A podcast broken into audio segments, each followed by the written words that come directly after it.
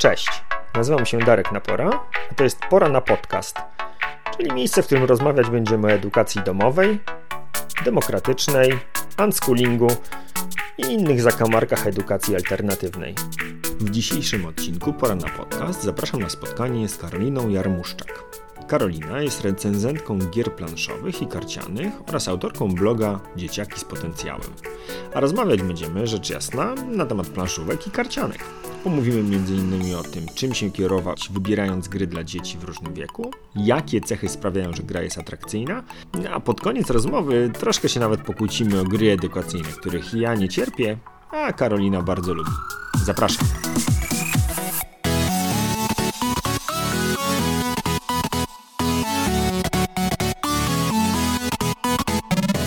Zatem zaczynamy klasycznie od pytania, co u ciebie żywe?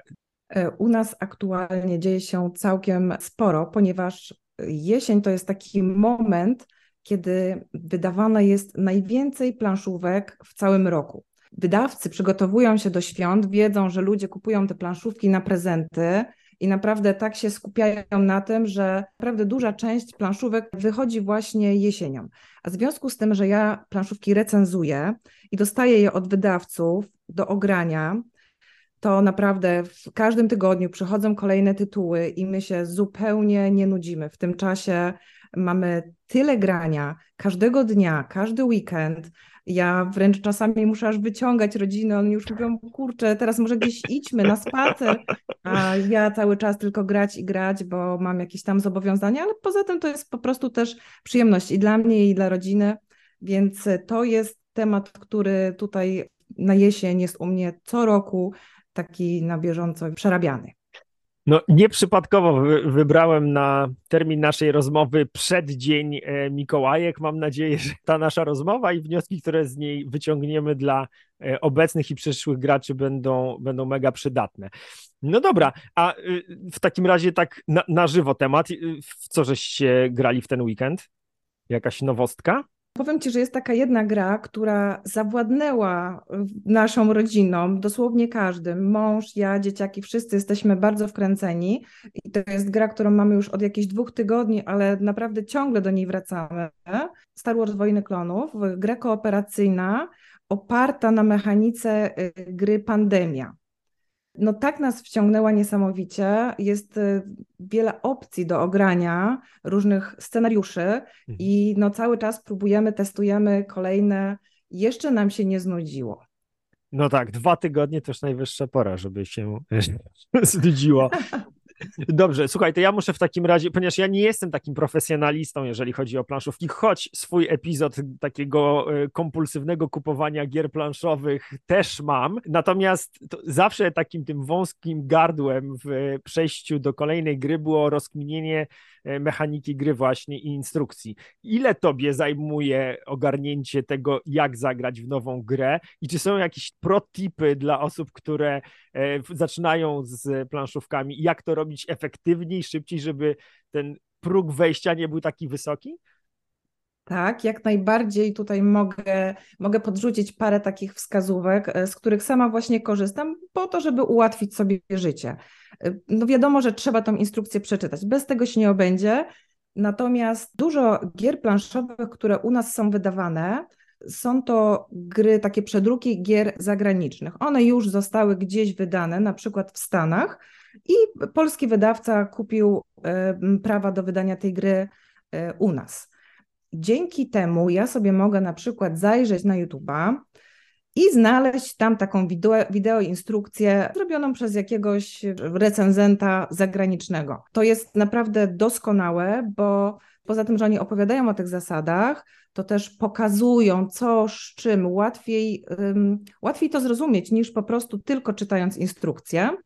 A kolejny krok to jest obejrzenie takiej przykładowej rozgrywki, których też jest mnóstwo w internecie.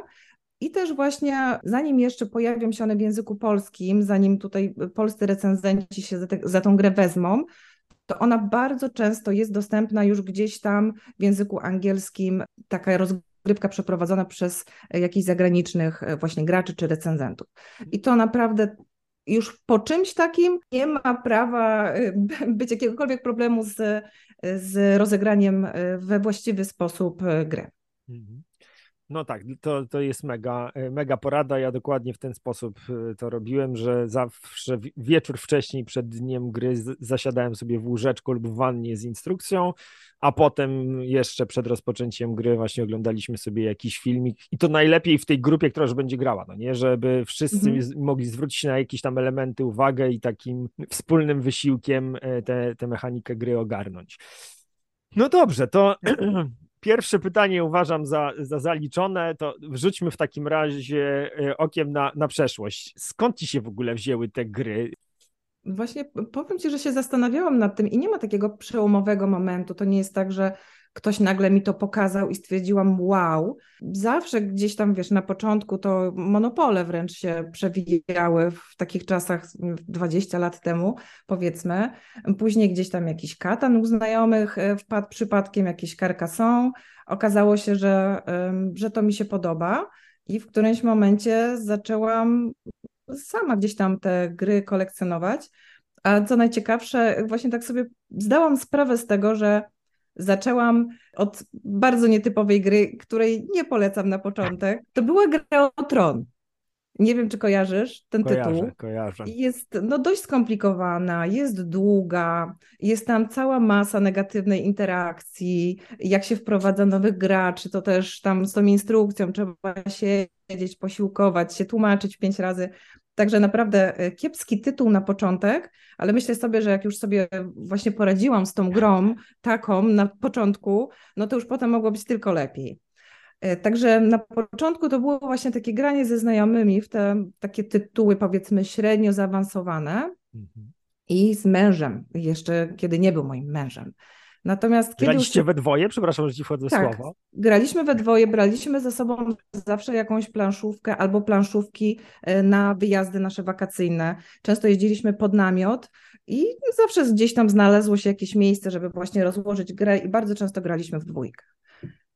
Tak, a kiedy pojawiły się dzieci, no to już właśnie pojawił się inny rodzaj gier, czyli gry stricte dla dzieci i tutaj no nie da się ukryć, że one dla osoby, która dużo gra, nie są zbyt ciekawe, ale myślę, że to jest taki to jest taka inwestycja. Jest taki duży wybór gier, że na pewno coś tam się znajdzie takiego, że i przypasuje i dziecku, i rodzicowi.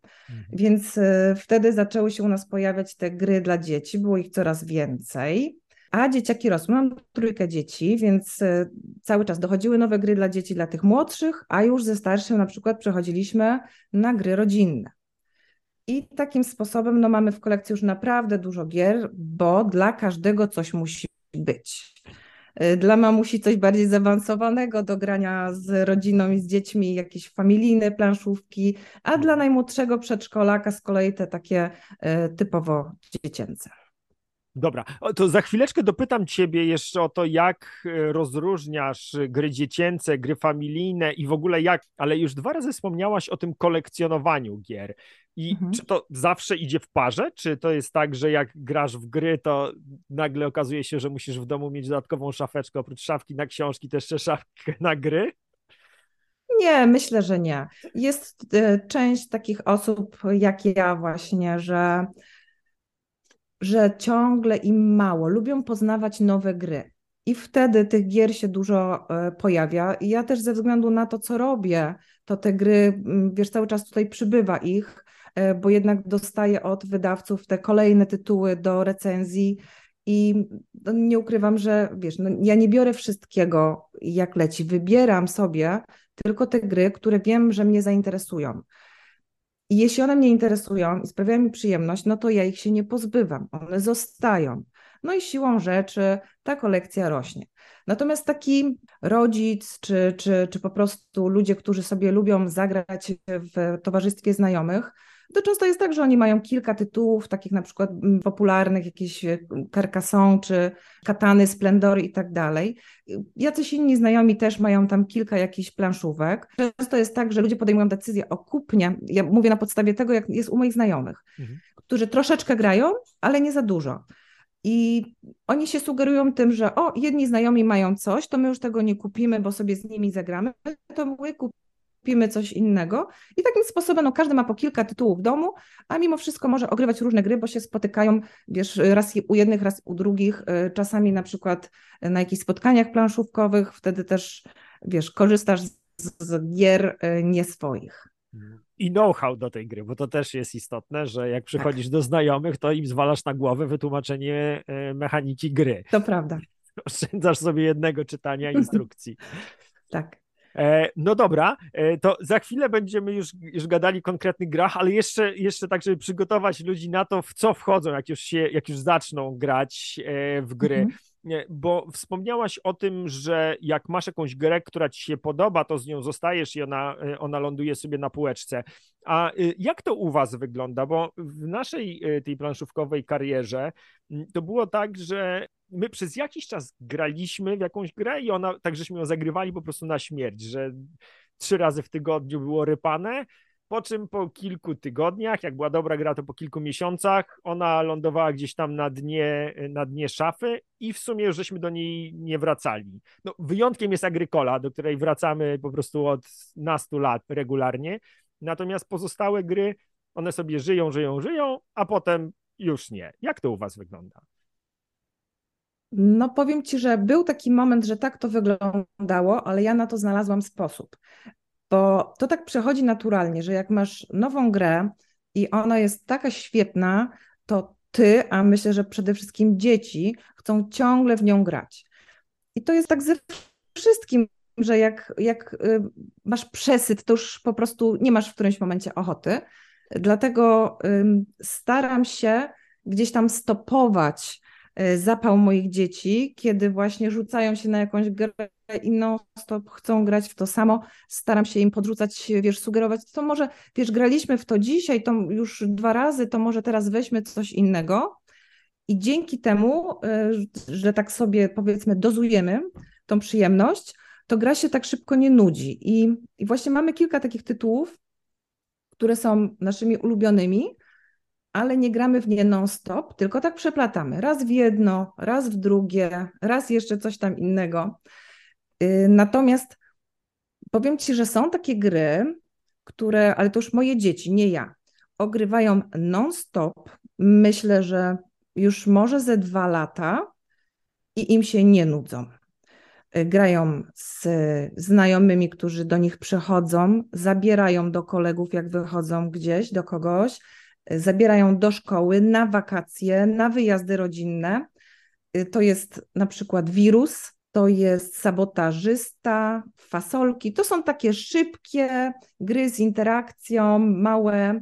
No u nas też wirus króluje, jeszcze eksplodujące kotki, to jest druga taka e, Ale to nie mieliśmy okazji. O, no, no to bardzo, bardzo polecam. Ona jest taka trochę bardziej abstrakcyjna, natomiast jeżeli chodzi szczególnie o poczucie humoru w, grze, mhm. Natomiast też no, za, zarżnięte już są te karty niemal, tak. niemal Właśnie po jakości gry widać, ile była używana. Mimo, że faktycznie dbamy, szanujemy, no to no nie da się tego przejść. Jak jest dużo ogrywana, to widać. No. No dobra, to, to myślę, że e, najwyższa pora, żebyśmy wzięli się teraz e, za jakieś uporządkowanie tych, e, tych gier. Może zacznijmy od, od tych dla, dla najmłodszych graczy, dla najmłodszych dzieciaków. Jak ty oceniasz, że gra jest odpowiednią grą dla dzieci? Jak wybierasz grę, która jest warta recenzji, warta. Gry dla dzieci myślę, że no, powinny też w pewien, chociaż minimalny sposób być dobrze odbierane przez rodziców, bo wiesz, to nie ma być droga przez mękę, że dziecko się dobrze bawi, a ty po prostu i wiesz, no dziecko widzi, że, że ty się męczysz, że jak ono przychodzi do ciebie, wiesz, staje jak ten kot ze Szreka z takim wzrokiem, z tą planszówką on stoi, a ty już tutaj sobie myślisz, Boże, nie, znowu. I wiesz, dzieciak to wyczuwa, więc nie ma co się zmuszać, jest tyle tytułów, że naprawdę każdy znajdzie coś takiego, co przypasuje i jemu, i dziecku. No, w dużej mierze no, jest metoda prób i błędów, bo to nie jest tak, że każda gra jest dla każdego. Jednemu się spodoba, innemu nie. Natomiast możemy jak najbardziej bazować na tym, że jeśli, wiesz, tutaj polecam bardzo grupy planszówkowe, szczególnie taką grupę e, na Facebooku, która się nazywa bodajże Granie z dziećmi. Jeśli tam sobie zajrzysz, piszesz tytuł jakiejś gry, to wyświetlam ci się posty, e, w których na przykład ludzie się dzielą wrażeniami albo polecają. Jeśli mnóstwo ludzi poleca tą samą grę, no to istnieje duże prawdopodobieństwo, że ona jest fajna. Wiesz, gorzej jak jedna osoba powie, że fajna i, i tyle, i słuch zaginął o grze, no to nie wiadomo. Także na pewno można się e, tym kierować, takimi poleceniami. Natomiast ja, no powiem Ci, że ja to się sugeruję tym po prostu, co lubią moje dzieci. I, I to też jest taka dobra wskazówka dla rodziców, bo rodzice najlepiej swoje dzieci znają i wiedzą na przykład, jaka tematyka je interesuje. I w przypadku małych dzieci, to uważam, że to jest tutaj taki klucz do sukcesu, żeby przyjść do dziecka z odpowiednią tematyką. Jeśli masz fana piratów, to jak przyjdziesz do niego, przepraszam, z grom o piratach, to czy ona będzie tam, wiesz, o tym czy o tamtym, to pewnie dziecku może nie zrobić dużej różnicy, ale to, że tam są piraci, no to już będzie super. Czy wiesz, jakieś, nie wiem, kucyki, pony albo kotki dla wielbicieli zwierzaczków. E, także myślę, że na pewno warto się mm, kierować właśnie takimi zainteresowaniami dzieci. A inna rzecz, to też jakby wynika z tego, że my, my te dzieci nasze znamy najlepiej, to na przykład jedno dziecko potrafi się skupić trochę dłużej. To możesz mu zaproponować taką grę, przy której wiesz, chwilę posiedzicie. A inne jest takie dziecko, które no, nie wytrzyma długo. No to też musisz pod to dostosować grę, bo nie ma nic gorszego jak dziecko, które wysiedzi 10 minut przy grze, posadzić przed planszówką, która trwa godzinę i jeszcze wytrzyma, i jeszcze chwilę, jeszcze nie skończyliśmy. Prosta droga do tego, żeby dziecko w ogóle zniechęcić do grania. Nie? Także tutaj to jest najważniejsze, żeby, żeby pod swoje własne dziecko, pod jego potrzeby to dostosowywać. Hmm. A masz jakieś wspomnienia z tego początkowego etapu, kiedy twoje dzieciaki były właśnie takimi maluchami kilkuletnimi i e, jakie gry wam grały w cudzysłowie, a jakie gry wspominasz po prostu jako udrękę. Ja, ja, może zacznę, bo mhm. ja to wspominam po prostu z bólem głowy. E, mnie farmer po prostu zażynał, e, czy tam super farmer, nie, już nie pamiętam dokładnie tej nazwy, nazwy tej gry. Natomiast ta totalna losowość farmera to była dla mnie udręka i to, że już, już widzę prawie, już te wszystkie zwierzęta są i wtedy wchodzi ten wilki boom, cała, cała farma zajechana.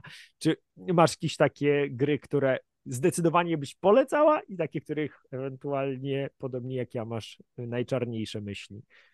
No powiem Ci, że tak z tym super farmerem to mam troszeczkę podobne doświadczenia, chociaż no też nie chciałabym tak nikogo zniechęcać do tej gry, bo ona nie na darmo jest e, popularna i od lat wiesz, wszyscy w nią grają e, tak rodzinnie właśnie z dziećmi i wyszło mnóstwo różnych wydań i dodatków, bo to jest fajna i wartościowa gra. Ale jest coś, o czym zawsze powinniśmy pamiętać, że to, wiesz, gra jest dla nas, a nie my dla gry. Czyli jeśli wydaje ci się, że ten super farmer już e, zaczyna się druga godzina, a wy jeszcze, wiesz, nie widać, żeby ktoś tam miał komplet zwierzątek w, w najbliższej przyszłości, to wiesz, przed grą po prostu umówcie się na jakąś zmianę zasady. Na przykład nie dążymy do tego, żeby zebrać po jednym z każdego zwierzątka, odrzucamy to najtrudniejsze typu koń i zbieramy tylko te pozostałe i wtedy gra nam się skróci. Możemy się umówić, że dążymy do tego, że kto pierwszy zdobędzie krowę tak, trzeba szybko coś tam wymieniać, żeby tylko do tej krowy dobić i jest koniec gry.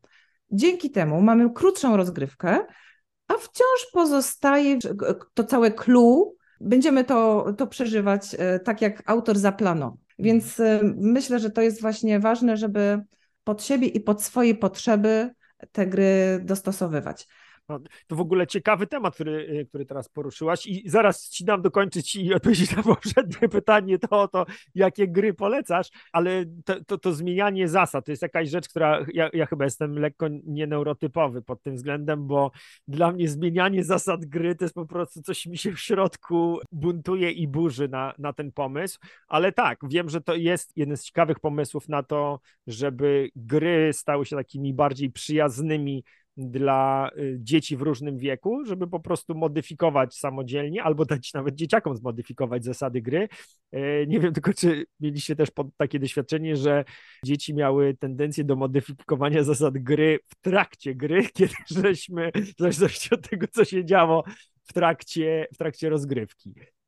Tak, z takimi najmłodszymi to się zdarza. Y, kiedy jeszcze, wiesz, to jest ten etap, że one nie mają na tyle doświadczenia i takiej świadomości, że właśnie gry polegają na tym, że musimy się dostosować do pewnych zasad i takich zasad, których nie zmieniamy, ewentualnie ustalamy je jakoś na początku już zmienione, ale potem to już jest fix, nie? No, także dzieciaki muszą do tego dojrzeć i faktycznie tak, takie rzeczy też jak najbardziej nam się y, zdarzały, ale to jest, to jest coś takiego do przepracowania. Y, musisz dziecku wytłumaczyć, y, że to nie na tym polega, ale już potem pilnować tego, żeby to faktycznie jednak było zgodnie z zasadami, bo na tym gry polegają. No dobra, to dawaj jakieś dwa, trzy tytuły dla takich e, młodszych dzieciaków, które zdecydowanie mikołajkowo-gwiazdkowo hmm. byś polecała. Ja zawsze polecam, jeśli ktoś pyta o grę dla przedszkolaka, taką grę Dzielne Myszki. E, to jest gra dla dzieci od czwartego roku życia. I mimo, że i wiesz, maluchy załapią tą grę, ale tak samo będą się fajnie przy tej grze bawić dzieci 6-7-letnie i o dziwo rodzice. To jest niesamowite. Ja tą grę już poleciłam kilku osobom i to nie jest, okazuje się, tylko moje doświadczenie, ale też ci rodzice, którzy kupili tą grę dla swoich dzieci, z chęcią w nią grają. Tam są emocje, tam się cały czas coś dzieje. Tutaj musimy coś uzbierać, ale jednocześnie za plecami czujemy y, oddech kota, który próbuje nas złapać. My jesteśmy tymi dzielnymi myszkami, które y, próbują znaleźć ser. Więc to jest taka gra, która na pewno sprawi dużo przyjemności nie tylko dzieciakom, ale też rodzicom. Poza tym bardzo polecam. Ja wiem, że to może nie jest jakaś super pasjonująca gra, ale wszelkiego rodzaju memory. Jest takie jedno memory, które jest bardzo fajnie właśnie urozmaicone. E, gra nazywa się Pingolo.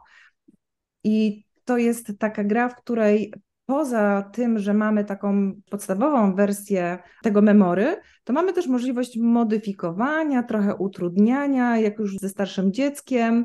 Do tego mamy fajne figurki, takie y, pingwinków, do tego kolorowe jajeczka tych pingwinków, na których te pingwinki sobie tam siadają.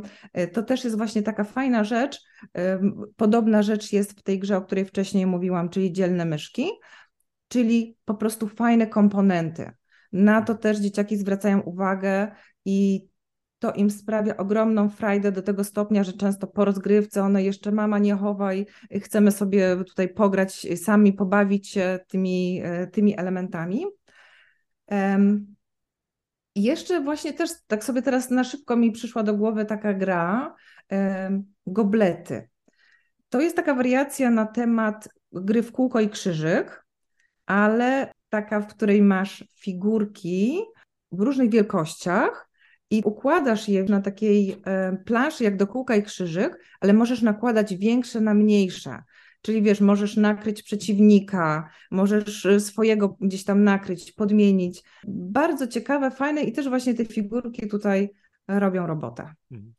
No to kolejny, kolejny ważny temat, y, który poruszyłaś, czyli jakość wykonania gry. Y, szczególnie dla tych najmłodszych dzieciaków to jest turbo istotne, no bo one jednak nie mają tej y, delikatności, uważności na to, jak obchodzić się z takimi przedmiotami i kiedy one są po pierwsze estetyczne, a po drugie wytrzymałe, no to, to też robi mega robotę i ta gra wtedy po prostu dłużej, dłużej służy. Także Jeszcze chciałam dodać, że te gry, o których wspomniałam teraz, mamy już od kilku lat i już trzeci syn się nimi bawi i naprawdę nie widać śladów zużycia. Hmm. Także pod tym względem można polecić na pewno. No dobra, to mamy te najmłodsze bąki ogarnięte, to idziemy sobie z kolejną grupką i, i może nawet tutaj uda się wymyślić takie gry, które granie, w które nie byłoby nieprzyjemne dla rodziców. Czy są takie gry już dla takich powiedzmy młodych nastolatków, tudzież kilkulatków e, dobijających do 10 roku życia, w które e, z przyjemnością mogliby też pograć e, rodzice i znowuż jak, jak sprawdzić, że to jest taka właśnie gra, skąd wiadomo, że, że dorosły i na przykład dziewięciolatek będą w stanie z przyjemnością grać jakąś grę. Przede wszystkim, jeśli chodzi o to sprawdzanie, to może ja od tego zacznę. To jest, wiesz, wiele sposobów, żeby gry przetestować bez kupowania ich. Wiadomo, wszystko teraz jest drogie, w tym planszówki. I to nie jest jakaś mała inwestycja. E, więc poza tym, że można sobie, tak jak już wcześniej wspominałam, zaglądać e, i czytać w grupach takich planszówkowych, gdzie, gdzie tacy właśnie gracze codzienni wymieniają się doświadczeniami. E, wiadomo, że można czytać też recenzje, polecam jak najbardziej na blogach o planszówkach, ale co, możemy na przykład e, wypożyczyć, wypożyczyć grę, z, są wypożyczalnie takie z planszówkami, w, na pewno w większych, w każdym większym mieście taka się znajdzie, no wtedy płacimy jakiś tam ułamek ceny, wypożyczamy grę na weekend i mamy czas, e, żeby sobie ograć, sprawdzić, czy nam się gra spodoba. Dużo Dobra, bibliotek. To są, tak? to są takie, wiesz, to są takie rzeczy jakby już e, jak to zrobić, no nie żeby, no. żeby to sprawdzić, ale raczej, ja raczej to, na, o czym się zastanawiam, czy nad czym mhm. się zastanawiam, to to, co sprawia, że w ogóle jakieś konkretne gry dla danej osoby, czy to dorosłego, czy takiego młodego nastolatka, będą, będą atrakcyjne. No bo e, gry mają tam strasznie dużo różnych cech. No nie są takie, które, w które lepiej grać w dwie osoby, są takie, które y, są takimi party games, są takie, które są bardziej kooperacyjne, są takie, w których mhm. kluczowe jest współzawodnictwo. No, zastanawia mnie, co w Twojej ocenie y, nadaje grze takich cech, że ona jest fajnym rozwiązaniem jako gra familijna. Jeśli chodzi o gry familijne, no to myślę, że przede wszystkim takie gry, które wywołują emocje.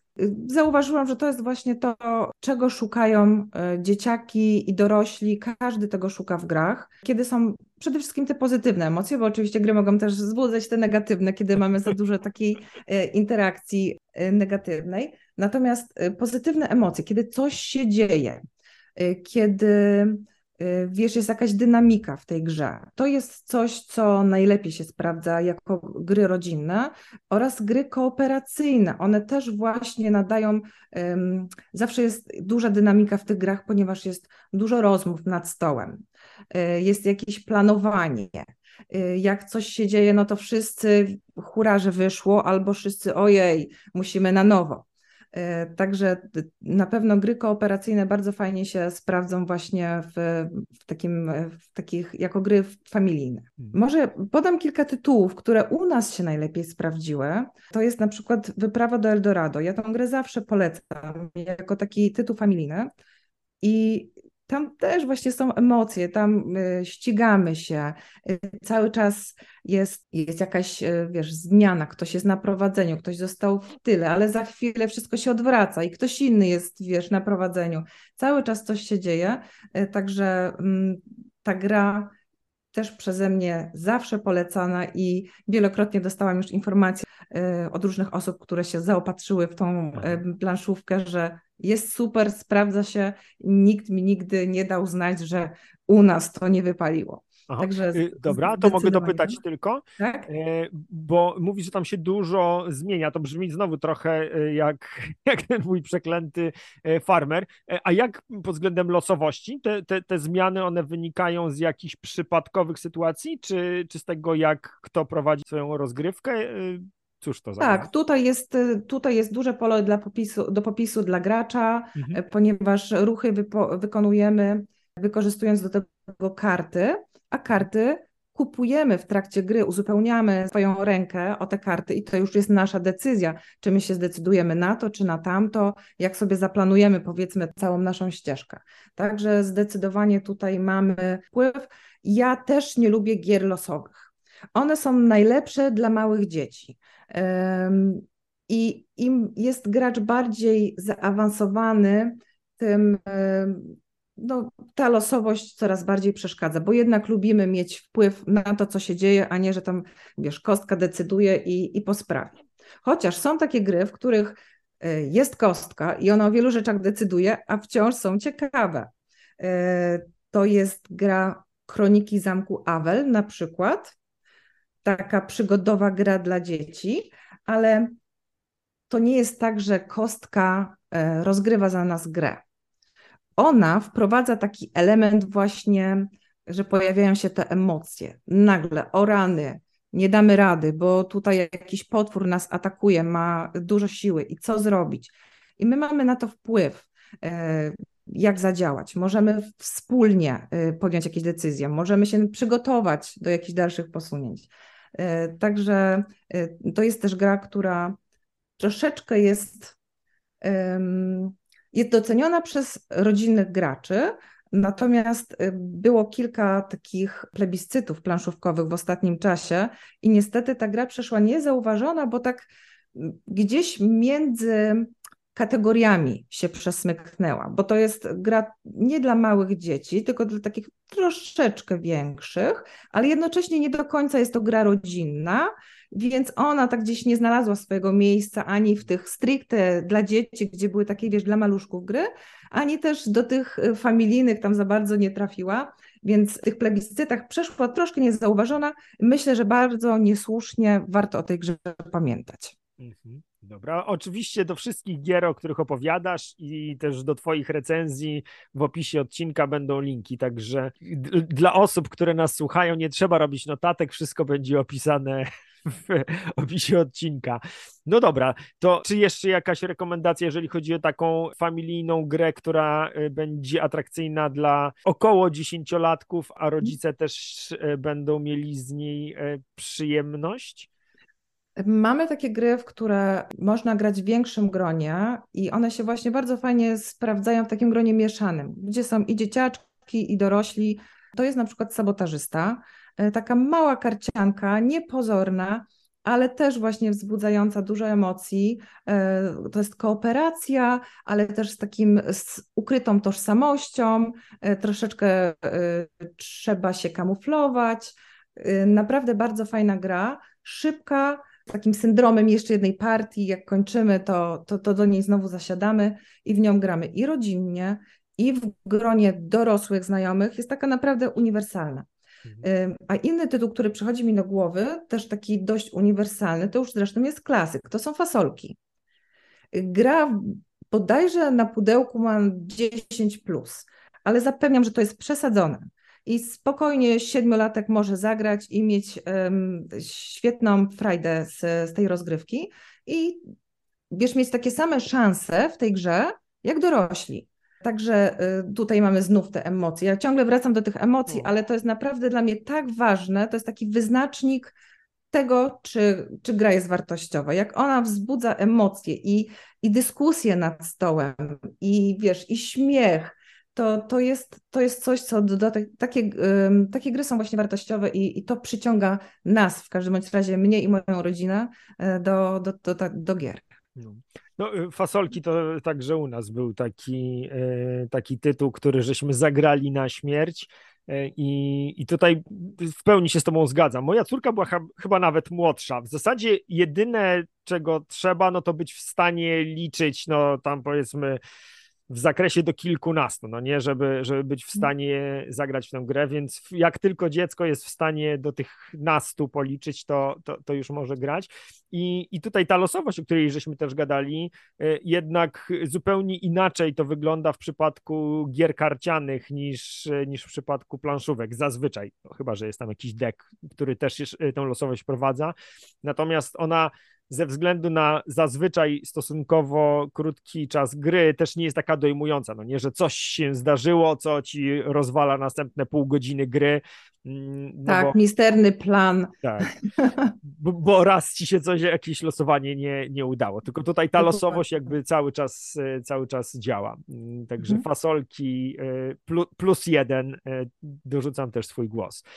No i, i w ten, w ten delikatny mm, sposób, e, z tą uwagą o matematyce, przeszliśmy do następnego pytania o takie umiejętności, no powiedzmy to w cudzysłowie, nie widać, że robię ten cudzysłów rękami szkolne. Oprócz tego świata gier planszowych, których głównym celem jest przeżywanie jakichś tam emocji i, i po prostu dobra zabawa, no to istnieje cały duży segment rynku tak zwanych gier edukacyjnych. I teraz ja od razu zaznaczam, że jestem wielkim. E, mm, nie, nie, nie użyję słowa e, wrogiem. Dobrze. Nie, nie, nie uwielbiam gier edukacyjnych. Twierdzę wręcz, że w zasadzie dowolna gra nieedukacyjna będzie miała większy aspekt edukacyjny niż dowolna inna gra edukacyjna, ale chciałem Ciebie zapytać, czy są jakieś takie gry, których celem jest szeroko pojęta edukacja, mm, które e, rodzice mogliby kupić i które nie będą przenudne? Wiesz, w związku z tym, że na moim blogu jakiś 50% gier to gry edukacyjne, które sama y, gdzieś tam powiedzmy wymyślam, tworzę czy, czy modyfikuję na podstawie jakichś istniejących gier, no to wypadałoby powiedzieć, że gry edukacyjne są super. Ale prawda jest taka, że one, nie da się ukryć, nie są tak atrakcyjne jak takie, wiesz, typowe planszówki. Y, natomiast w drugą stronę patrząc, z pewnością są dużo bardziej wartościowe i ciekawe jako taka zastępcza metoda nauki są ciekawsze niż powtarzanie, zakuwanie na pamięć, czytanie pięć razy tego samego materiału, czy nie wiem, wyliczanie dziesiątek tych samych zadań, tylko z innymi, wiesz, liczbami podstawionymi. Więc tą naukę można przeprowadzić E, wplatając ją właśnie w te gry. I dzięki temu mamy jakieś urozmaicenie, to po pierwsze, bo zawsze wiesz, jakoś to masz inaczej podane. Poza tym w zabawie to, to też inaczej się do tego podchodzi, jak zaproponujesz dziecku, choć zagrajmy w mnożenie, niż proszę mi tutaj wyrecytować tabliczkę mnożenia z pamięci, tak? Do tego gry tutaj znów pojawi się to, to samo słowo, moje ulubione, emocje. W grach się pojawiają emocje i nawet w takich edukacyjnych grach też się pojawiają emocje, a przecież one pomagają zapamiętywać. Kiedy doświadczamy tych pozytywnych emocji, to, to zapamiętujemy ten moment, tą całą sytuację i to też pomaga w zapamiętywaniu pewnych informacji, y, czy tego, co akurat chcemy na przykład y, się nauczyć. Y, więc ja mam tutaj może jako przykład, to posłużę się tabliczką mnożenia, ponieważ u mnie akurat na blogu w ostatnich miesiącach pojawiło się trochę takich gier edukacyjnych, w których ćwiczymy mnożenie. I to się związało z tym, że moje dzieci akurat uczyły się tabliczki mnożenia, bo też to, co się pojawia na blogu, to w dużej mierze jest właśnie związane z tym, co na bieżąco ja z moimi dziećmi akurat przerabiam. I to są moje pomysły na przedstawienie im e, nauki w, taki fajny, przystępny sposób.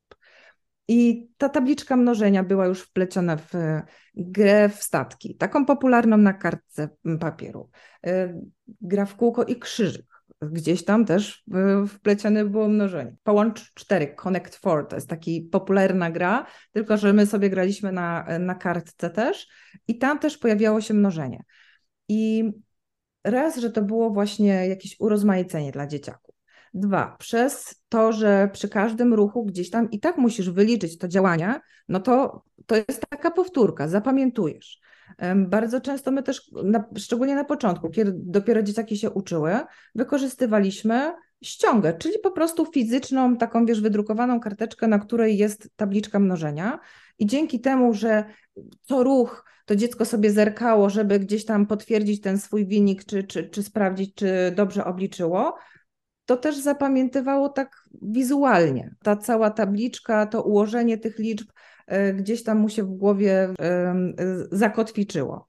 Także to są takie rzeczy, które każdy ma jakiś inny sposób zapamiętywania, więc właśnie jeden przez to, że będzie któryś tam raz powtarzał w tej grze, to zapamięta. Inny zapamięta wizualnie, bo spojrzy i gdzieś mu się tam, wiesz, takie zdjęcie otworzy w, w, w mózgu, takie okienko z tą tabliczką. Także to są takie sposoby, które bezboleśnie, y, w całkiem przyjemny sposób przemycają właśnie tą naukę. Poza tym na przykład jak masz dziecko, które w ogóle nie potrafi usiedzieć na miejscu i to wiesz, wcale nie dotyczy tylko takich maluszków zupełnie. Są też starsze dzieci, które ciągle muszą coś tam w ruchu robić.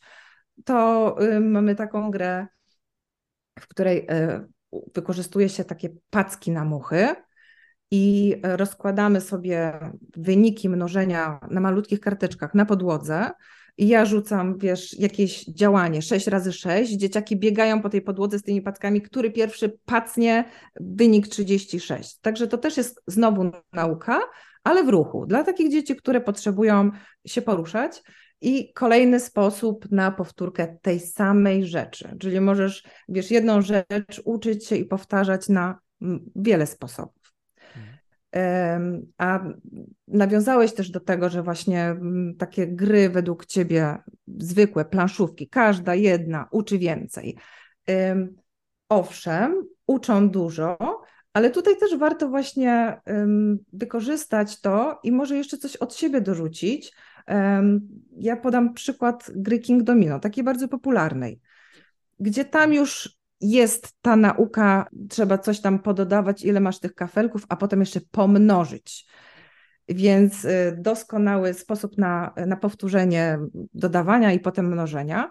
Ale ja jeszcze do tego dorzuciłam to, że syn pisał tabelkę całą z imiona graczy w jednych w kolumnach, w wierszach zapisywał nazwy obszarów, które tam będziemy punktować, więc y, to był taki etap, kiedy on się dopiero uczył pisać, więc to był jak kura pazurem, ale mimo wszystko, no to było ćwiczenie pisania. Później, po grze, ta tabelka była cały czas w jego rękach, więc on musiał odczytać to, co tam sam napisał, po to, żeby wpisać wyniki, które oczywiście też sam obliczał po tych e, rozgrywkach. Także jest całe mnóstwo takich rzeczy, które możemy też tak dorzucić i dzieciakom przemycić dodatkową naukę. Tak, i, i, ja totalnie kumam, że to jest możliwe i, i jak myślę o zajęciach językowych, bo jestem belfrem, więc e, takich powiedzmy e, grywalnych czy gamifikujących rzeczy pojawia się bardzo dużo, e, tylko mój argument jest taki, że mm, węszę trochę brak uczciwości czasami rodziców, no nie, że dzieciaki bardzo łatwo i bardzo szybko wyczuwają, kiedy jakaś gra, y, czy, czy chęć y, do gry w jakąś grę jest rzeczywiście autentyczną chęcią do spędzania razem czasu i do wspólnej zabawy i do, i do po prostu y, odczuwania wspólnie przyjemności i tych emocji związanych z grą, a kiedy to jest takie wiesz, dodatkowa praca domowa. I mhm. ja dlatego mówię o tym, że dowolna, prawdziwa gra, w sensie taka, która ma na celu po prostu przyjemne spędzanie czasu, będzie bardziej wartościowa niż dowolna gra edukacyjna, że ta gra edukacyjna jest taką trochę ściemą, no nie? Takie zawieram, mhm. zabieramy w kolorowe papierki, ale to jest tylko kolorowy papierek i dzieciaki bardzo szybko i bardzo łatwo to zauważają.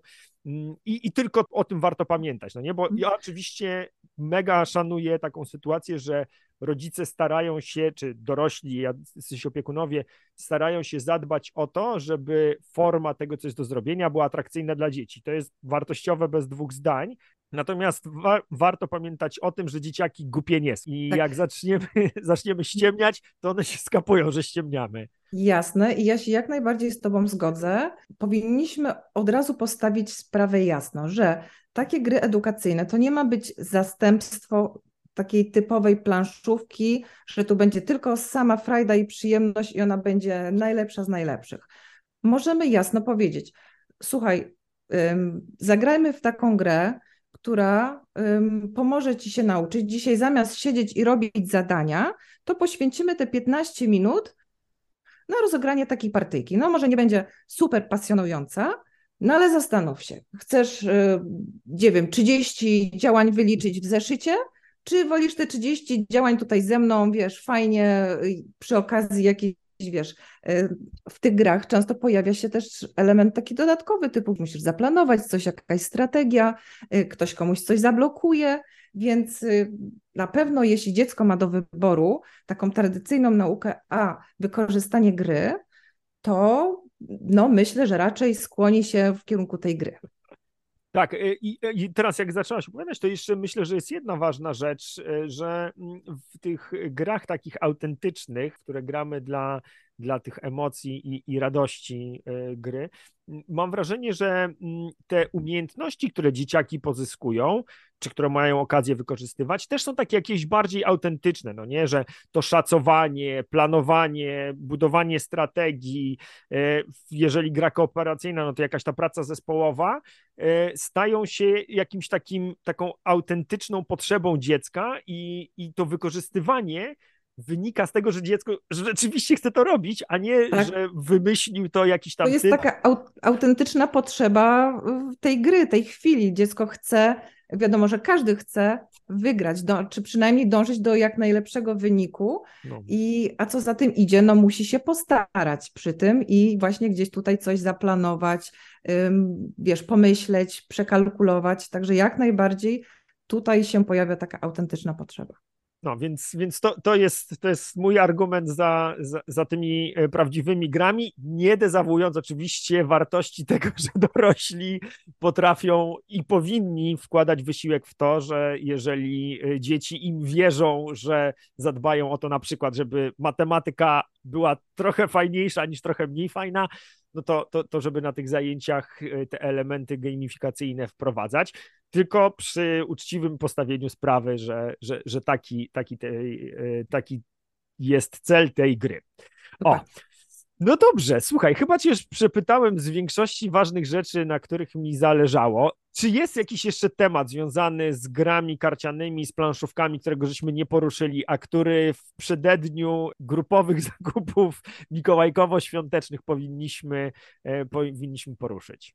Powiem Ci, że tak, teraz na szybko przyszła mi do głowy jedna rzecz, bo z Mikołajkami to się kojarzą głównie takie drobne prezenty. I takim drobnym prezentem, a bardzo wartościowym i bardzo niedocenianym, jest talia tradycyjnych kart. I ja bardzo Wam polecam, jeśli nie macie pomysłu albo macie po prostu jakąś czekoladę przygotowaną, dorzućcie do niej talię kart. Z talią kart można zrobić naprawdę cuda. Jest mnóstwo świetnych gier, które ja na przykład grałam w dzieciństwie. Nie wiem, teraz wydaje mi się, że nie są już tak popularne, bo, bo jest właśnie no, ogromny wybór różnych kolorowych, tematycznych um, planszówek, gier i, i różne inne atrakcje dla dzieci. Natomiast y, te gry takie tradycyjne, jakieś Macao, Remik, moje dzieci na przykład zagrywają się namiętnie w tysiąca, to jest frajda i warto do tego wracać i gwarantuję, że to będzie też frajda dla rodziców. Bo przypomnijmy sobie właśnie te nasze czasy młodości, kiedy się grało i to jest czysta przyjemność. No. E, tak, w Makao u nas, e, u, u, was e, tysiąc powiedziałaś, tak? U mnie za to dzieciaki, w, nawet dwie osoby mogą grać w Makao i to godzinami dosłownie, także e, świetna e, mikołajkowa porada. Zatem, gdzie można e, przeczytać i obejrzeć Twoje rekomendacje growe? Przede wszystkim zachęcam do zaglądania na bloga Dzieciaki z Potencjałem. Tam opisuję wszystkie gry, tam są recenzje planszówek oraz moje pomysły na wykorzystanie gier w edukacji. Mamy sporo gier matematycznych, bo to jest taki trochę mój konik, połączenie właśnie jednej pasji i drugiej, czyli matematyki i e, planszówek. Natomiast też aktywnie działam w mediach społecznościowych, na Instagramie i na Facebooku, również pod nazwą Dzieciaki z Potencjałem. Tam dodatkowo w relacjach pojawiają się takie skróty z naszej codzienności, pokazuję w co gramy z dziećmi, jakie akurat planszówki powiedzmy nowe gdzieś tam przyszły do recenzji, więc już można sobie podejrzeć, co się pojawi na blogu e, w najbliższym czasie. Także bardzo zachęcam i zapraszam serdecznie. Bardzo Tobie dziękuję za rekomendacje i e, mam nadzieję, że w przededniu świąt e, nasze porady będą wartościowe dla osób, które nas słuchały. Dzięki wielkie. Dziękuję również. Dzięki za wysłuchanie kolejnego odcinka Pora na podcast.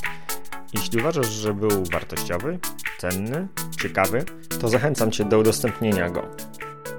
Jeśli masz jakieś pytania, wątpliwości dotyczące edukacji domowej albo któregoś z tematów, który poruszaliśmy w odcinku, to zapraszam Cię do kontaktu. Mój adres znajdziesz w opisie tego odcinka.